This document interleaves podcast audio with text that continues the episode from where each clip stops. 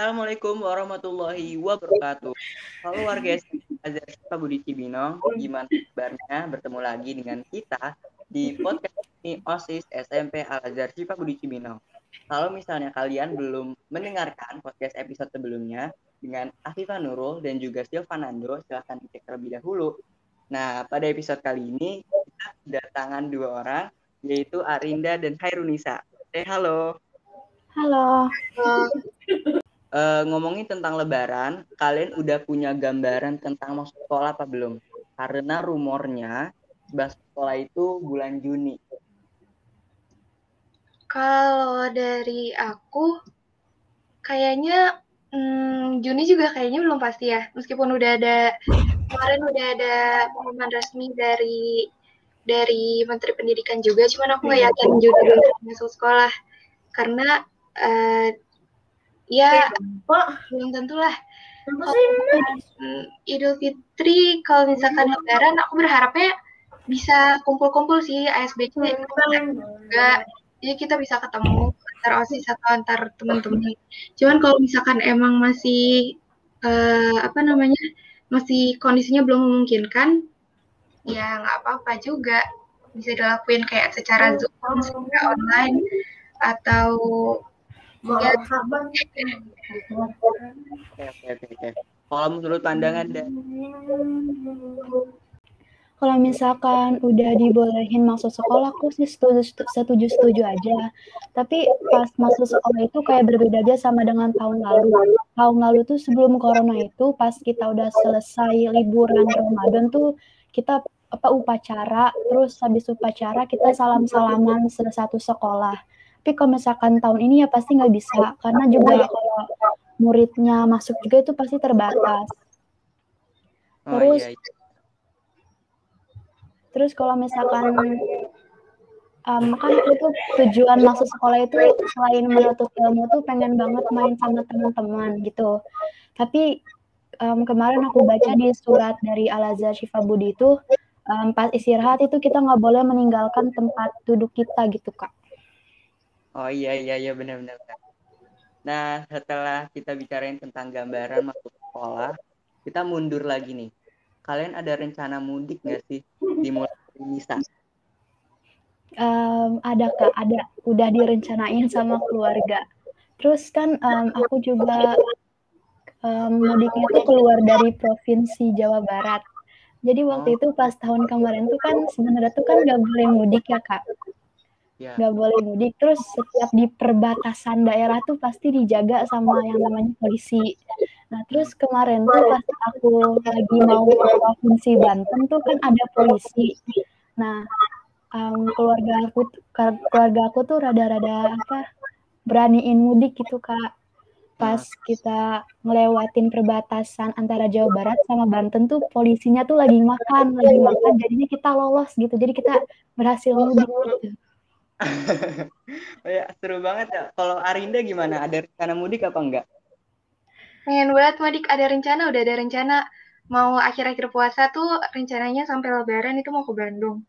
Cuman kalau bisa sih, harusnya sih bisa ya. Soalnya kemarin aku Februari juga ada ke Bandung sekali, nggak terlalu ketat juga sih. Apa uh, apa penjagaan patroli COVID-nya. Cuman balik lagi lihat situasi nanti. Kalau misalkan memungkinkan, uh, pengen. Kalau nggak memungkinkan juga nggak apa-apa. Karena kan pasti uh, Lebaran juga banyak orang yang nyoba buat mudik kan. Jadi pasti penjagaannya juga diketatin lagi gitu. Oh iya iya iya iya. Kalau aku sendiri, uh, oh, udah udah banget karena kampung aku itu sendiri di Banyuwangi. Mungkin kalian tahu Banyuwangi. Jadi Banyuwangi itu ada di Jawa Timur, ujung Jawa Timur. Dia tuh kalau mau ke Bali, kan pasti ke Banyuwangi dulu. Nah, hmm. kemarin itu pas ada pemberitahuan larangan mudik, udah pasrah semua. Jadi kayak mau gimana lagi, orang jauh banget. Mana kan biasanya kita naik mobil. Kalau naik pesawat itu, kan di sana bisa jalan-jalan kan jadi enakan naik mobil gitu ini buat kalian nih kalau misalkan ternyata keluarga kalian nggak ada nggak mudik ke kampung halaman ada alternatif nggak buat ketemu sama keluarga kalian di Arinda? Alternatifnya satu-satunya alternatif online sih. Soalnya nggak memungkinkan juga kan, kalau misalkan emang ada larangan mudik nggak mungkin ke sana. Satu-satunya yang bisa menjembatani problem tersebut adalah ya online. Iya iya, sama seperti sebelumnya. Kalau Nisa gimana? Ada alternatif nggak? Ya kalau misalkan nggak bisa mudik, ya pastinya online kak. Jalan-jalan satu-satunya pasti itu. Iya iya iya, benar. Karena dengan uh, internet sekarang bisa bertemu dengan keluarga, bisa dengan video call, bisa telepon biasa dan lain sebagainya. Oke nih, uh, kita lanjut ke sekolah nih. Kan kalian ini istilahnya murid baru yang sekolah itu berapa kali. Dan kalian ini kan termasuk orang-orang beruntung nih kan. Karena nggak semua dari anak kelas 7 kan bisa datang ke sekolah. Kayak osis artis kalian bisa datang kalau mungkin ada project-project kalian bisa datang ke sekolah nah project pertama yang mau aku tanyain itu ke Arinda dulu buat musik video asik yang kemarin mm, profil SMP ASBC itu gimana sih persiapannya Oke, cerita dulu ya. Jadi itu tuh benar-benar mendadak banget. Jadi jam 8 itu aku ditelepon eh jam 8 8 setengah sembilanan aku ditelepon sama guru e, boleh besok bisa datang ke sekolah nggak? Ada ini nih apa namanya? Uh, project bikin jingle ASBC terus aku yang kaget gitu loh besok. Oh iya besok. Terus akhirnya mau juga sih karena seru juga nggak sih pengalaman juga bisa apa namanya jadi bisa ada di dalam proses pembuatan uh, mus musik videonya ASBC gitu. Nah terus kalau misalkan proses syutingnya fun banget, guru-gurunya juga fun banget ternyata. Terus habis itu aku kan uh, bisa dibilang di sana tuh teman-temannya kelas 8 semua kan. Hmm. Tapi tetap bisa nyambung-nyambung juga sih, friendly juga. Jadi kayak seru sih pengalaman baru nggak nyesel ngambil uh, project itu. Iya iya iya. Oke, itu pengalaman Arinda. Sekarang kita bakal ke Nisa. Nisa kan kemarin ini jadi MC ya kan? Iya. Pas ada Ramadan jadi MC sama Karatih sama Rahmi ya? Iya, sama Rahmi. Nah, itu bisa diceritain nggak sih gimana persiapan dan proses pada hari haknya? Pada hari haknya, um, kan itu tuh kalau nggak salah itu aku tuh ditelepon sama Bu Nirwanti, sangkan aku ada tugas yang belum di aku kerjain kan. Nah ternyata aku ditawarin buat jadi MC pas Riyadul Ramadan. Nah terus di sela-sela Riyadul Ramadan tuh aku selalu latihan sama Bu Nirwanti. Bu Nirwanti, terus aku belajar intonasi yang benar sama Bu Nirwanti. Terus pas hari hanya aku enjoy sih enjoy, tapi pas di akhir-akhir nge-MC itu ada susunan acara yang gak ada di teks MC pas latihan karena aku belum terlalu apa, belum terlalu biasa jadi MC jadi rada bingung ucapin susunan acara yang mendadak tuh kayak gimana gitu. Oh iya. Berarti ini apa pengalaman pertama jadi MC di acara resmi bukan di acara OSIS? Eh acara OSIS sih juga resmi sih, tapi kayak semi resmi lah ini apakah pengalaman pertama jadi MC di acara resmi nih yang dihadiri sama anak kelas 7, anak kelas 8, guru-guru, yayasan, dan lain-lain? Um, kayaknya ini deh, yang pertama kali. Tapi kayaknya kemarin pernah yang bedah buku. Itu resmi gak sih? Yang ada ada Kak Aisyah itu. Iya, iya. iya. Ya, berarti ini bisa dibilang pengalaman kedua lah ya? Iya. Oke, oke, oke. Ya, kita lanjut ke selanjutnya nih uh, pas kemarin lihat menurut aku ya dari pendapat aku untuk uh, musik videonya yang ada rindanya di situ yang profilnya itu itu bagus banget. Karena aku tahu mungkin ada yang cerita lah ya sedikit-sedikit gimana persiapannya. Ada yang sampai cukur rambut denger-dengar iya benar ya kan? Tuh kayak wah ini berarti persiapannya lumayan matang lah ada yang main drum ada yang nyanyi ada adegan-adegan di perpustakaan adegan itu untuk triade romantis itu aku seneng banget sih maksudnya di petugas itu tuh ada beberapa perwakilan dari OSIS ya kan yang jadi petugas. Salah satunya Nisa yang jadi MC pakai bahasa Indonesia. Itu keren banget. Aku sampai bilang ke Nadif Nisa keren banget MC-nya gitu kan.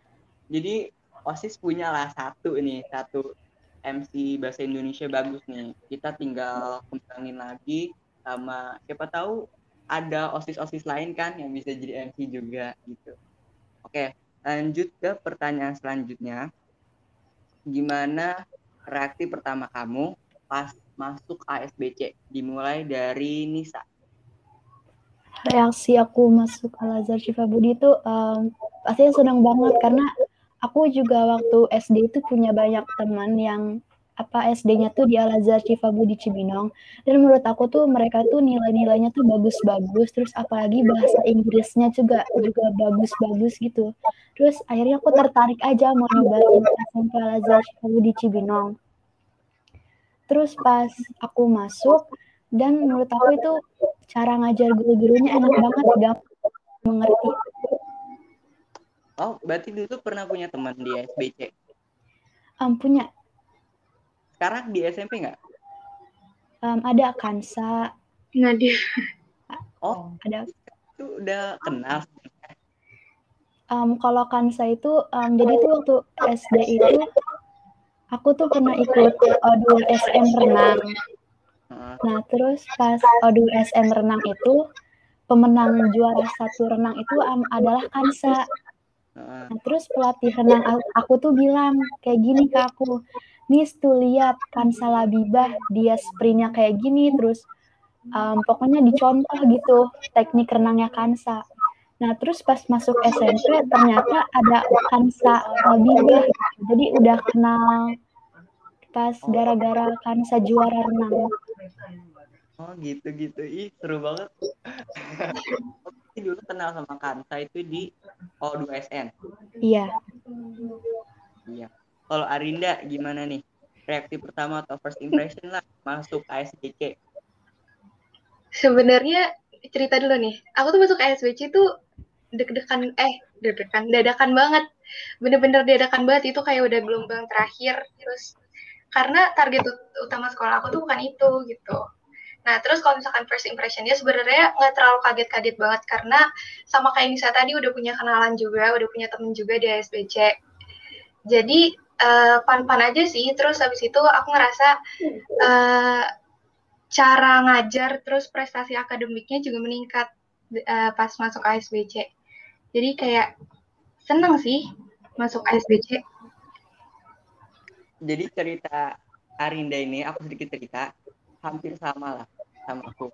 Jadi dulu itu sebelum aku masuk SBC, aku jujur aja kan karena dua gelombang itu udah lewat gelombang udah lewat gelombang dua udah lewat tinggal gelombang tiga nah aku tuh awalnya pengen masuknya tuh SMP 2 Cibinong hmm.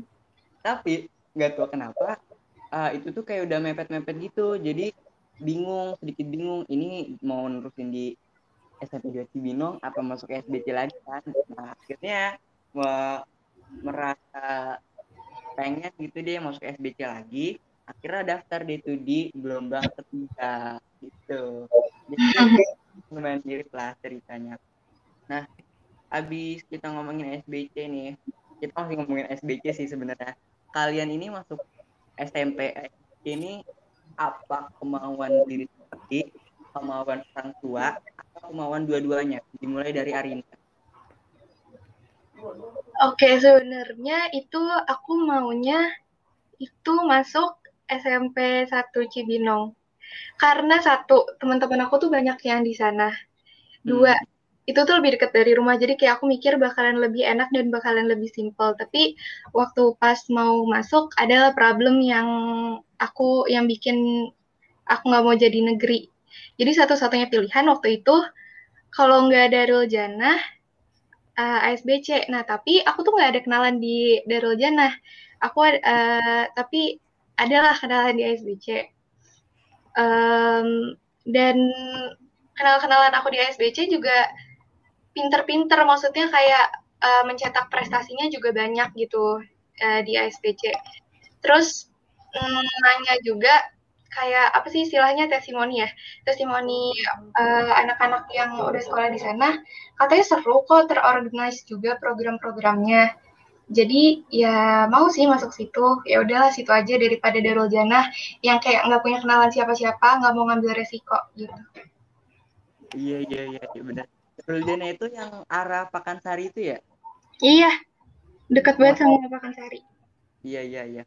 Kalau Nisa gimana nih kalau aku waktu itu kemauan sendiri itu bermula dari pas tryout akbar kelas 6 di ASBC itu kan pas sebelum tryoutnya itu ditampilin kayak fasilitas Al Azhar Budi terus cara mengajarnya. Nah di situ aku tertarik banget sama Al Azhar Budi Cibinong.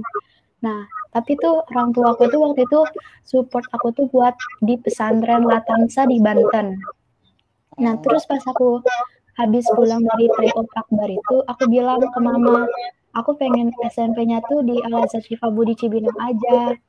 Nah terus um, pas ternyata pesantren yang mama sama ayah aku tuh pengen masukin aku ke situ ternyata tuh kena banjir bandang gitu. Jadi takut juga kalau misalkan aku nyantren di situ kalau ada banjir bandang pasti serem kan.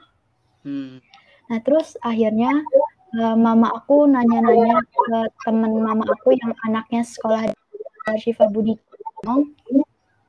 terus katanya ada kelas tafis dan mamaku juga tertarik gitu nah akhirnya ayah sama mama setujuin aku di SMK Lazar Syifa Budi Cibinong oh berarti nih kalian nih semuanya ikut TO Akbar tahun lalu ikut kalau aku ikut ikut aku nggak aku jadi pengawas loh oh jadi pengawas iya iya tapi aku aku, aku, aku, aku kelas apa ya pokoknya aku ada sama Bu Ayu sama SD mana ya?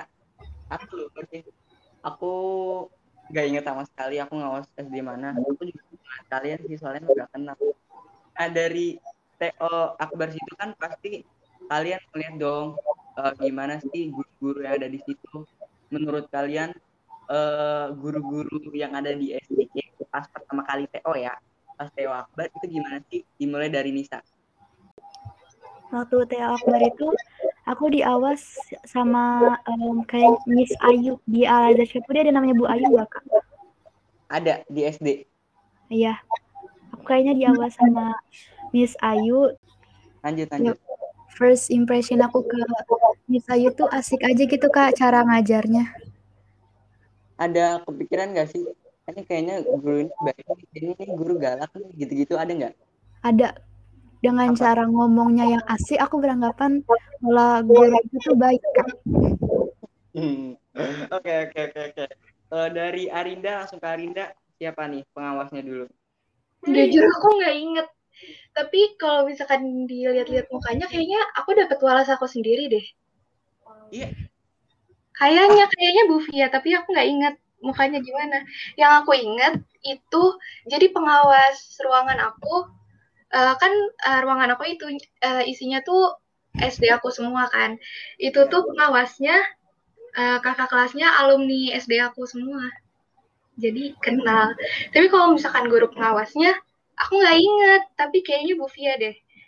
Nah, terus first impression aku ke guru itu seru sih. Kayak guru pada umumnya aja. Maksudnya ramah juga. Terus apa murah senyum juga. Ya gitu deh. Baik baik pokoknya. Ya ini eh kalau misalnya bener ya kalau misalnya bener Bufi ya. Ada pikiran nggak? Ini kayaknya Bufi lucu nih asik nih atau wah ini mah galak kayaknya tegas nih gitu gimana?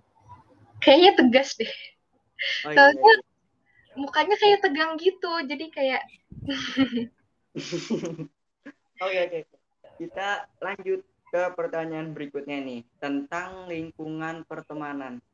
Nih, jadi kan kalian nih emang benar-benar belum ketemu satu kelas secara langsung. uh, cara lah tanpa pakai aplikasi-aplikasi online kayak Zoom, Google Meet dan lain sebagainya. Lingkungan pertemanan di kelas kalian itu gimana sih? Misalkan kayak sepi-sepi aja nih atau asik atau lucu atau gimana? Mulai dari Arinda. Kalau lingkungan pertemanan aku, aku kan 72 ya, 72. Anak-anak 72 tuh asik-asik. Maksudnya kayak enak lah diajak ngobrol, uh, bisa sharing-sharing tugas juga tapi jujur aku tuh lebih deket sama anak kelas lain kayak contohnya uh, Nisa terus Kansa Nadif terus Raisa ya pokoknya banyak deh uh, tapi aku juga deket sama sama teman-teman kelas aku cuman uh, mungkin aku bisa deket sama kelas lain karena emang udah kenal uh, sebelumnya juga kan dari sebelum masuk SMP udah kenal juga jadi kayak mungkin frekuensinya lebih nyambung sama mereka jadi apa bergaulnya tuh lebih sering sama mereka gitu. Tapi teman-teman di kelas aku juga asik juga, friendly juga orangnya gitu. Buat uh, grup chat nih pasti kan kalian punya masing nih grup chat kelas kamu. Tapi ya rame sih. Rame banget. Rame. Banget. Banget. Wah. Berarti the power of PJJ nih ya. the power of PJJ ya benar sepi-sepi damai-damai tentram-tentram aja yang yang penting-penting aja gitu. Iya. Oh, untuk Nisa, gimana lingkungan pertemanan di kelas? Kalau lingkungan pertemanan di kelas itu aku dekat sama mereka, tapi nggak nggak nggak terlalu nggak sedekat pertemanan aku yang kayak Arinda, Nadif, Kansa, Damar, sama Raisa. Tapi di kelas itu ada yang buat ini nggak sih? Sering buat jengkel atau emosi atau gimana? Jengkel. Oh ada. Ada. Jangan disebutin ya orangnya ya. Tapi itu orang-orangnya itu isi grupnya itu hanya sebagian dari kelas aku oh berarti nggak semuanya dimasukin Enggak, yang grup asli murid 74 itu sepi ada nanya-nanya tugas. Bener-bener. Ya, kayaknya nih 74 best friendan nih sama 85. Karena jujur grup kelas aku ya bahasnya penting-penting aja gitu. Kalau dulu di kelas 7 tuh emang rame banget karena anak-anak rame. Pas kelas 8 ini yang anaknya serius-serius digabungin. Akhirnya tuh ada anak-anak di kelas kakak itu yang awalnya serius jadi terbawa suasana gitu sama teman-teman aku yang lain. Gitu jadi dia ke bawah serius juga. Nah kita udah ngomongin tentang lingkungan pertemanan nih. Langsung kita skip skip skip aja deh nih ke office nih. Ini kan uh, pengalaman pertama nih buat kelas 7 sama kelas 8 juga ya. Karena dulu anak kelas 8 itu pas masih kelas 7 belum bisa ikut OSIS.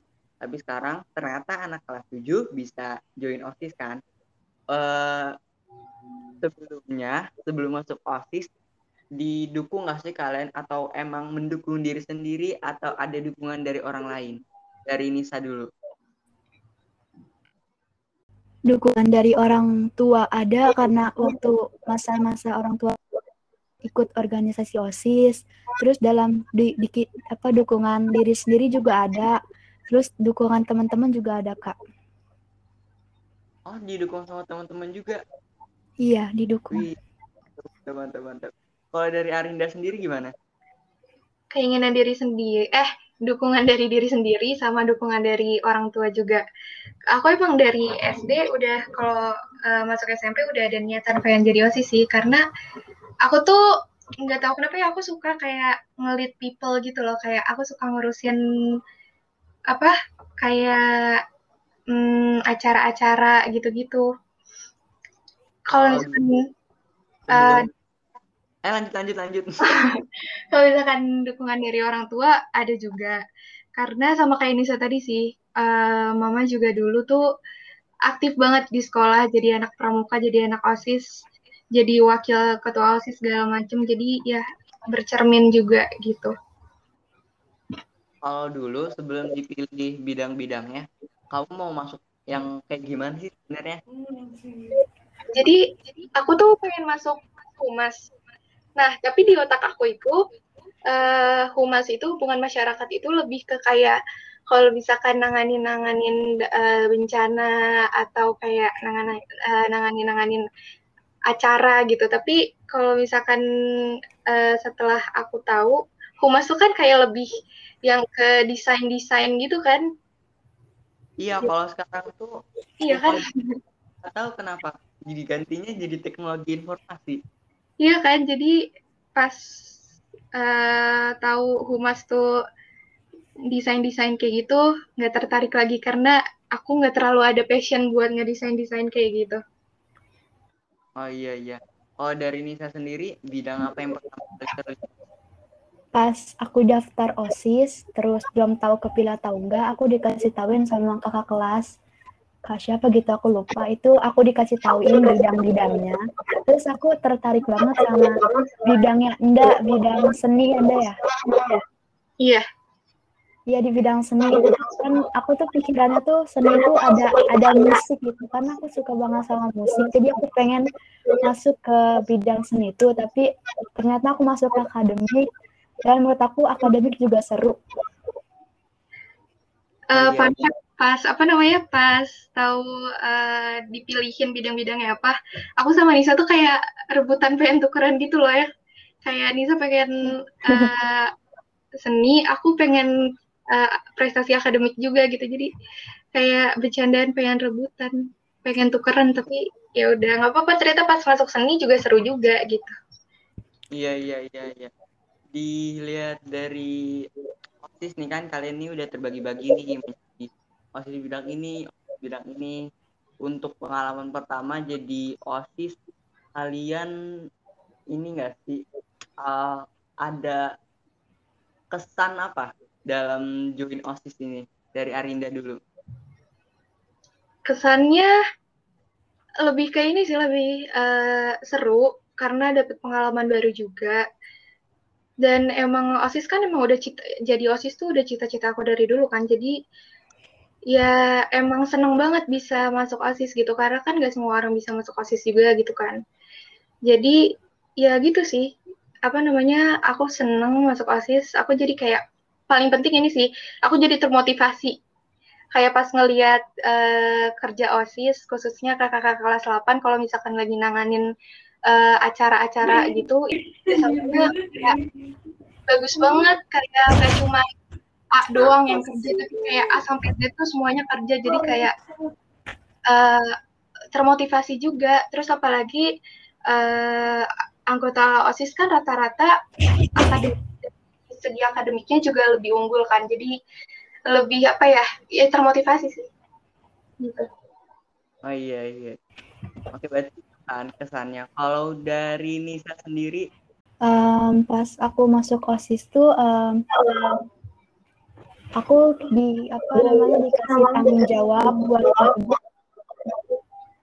pekerjaan aku yang udah dibagi-bagi sama koordinator akademik. Terus juga um, kan akademik itu lebih ke baca-baca, lebih ngasih informasi ke teman-teman yang lain. Terus juga aku suka dapat juga ilmu baca-baca tentang puasa itu apa gini gini gini gini terus ada tentang kemarin tuh ada buletin itu oke oke oke. Untuk kita akan beralih dari menyenangkan jadi permasalahan. Ada nggak sih permasalahan di bidang kalian sendiri? Ya, ada konflik ini sama ini atau ayo dong ini ini, ini kerja dong ini, ini ini kerja. Dimulai dari Nisa dulu. Kalau di bidang prestasi akademik nggak ada konflik sih kak apa dibagi adil, dibagi rata tugas-tugasnya gitu. Kalau di bidangnya Arinda? Kalau dari bidang aku, alhamdulillah banget kayak nggak ada yang nggak kerja gitu kan biasanya ada tuh bidang yang uh, ada beberapa orang yang nggak kerja yang kerja tuh kayak koordinatornya aja nah alhamdulillah menurut aku bidang aku tuh kayak kerja semua uh, kerja semua terus uh, suka diskusi juga jadi lancar-lancar aja sih alhamdulillah. Alhamdulillah.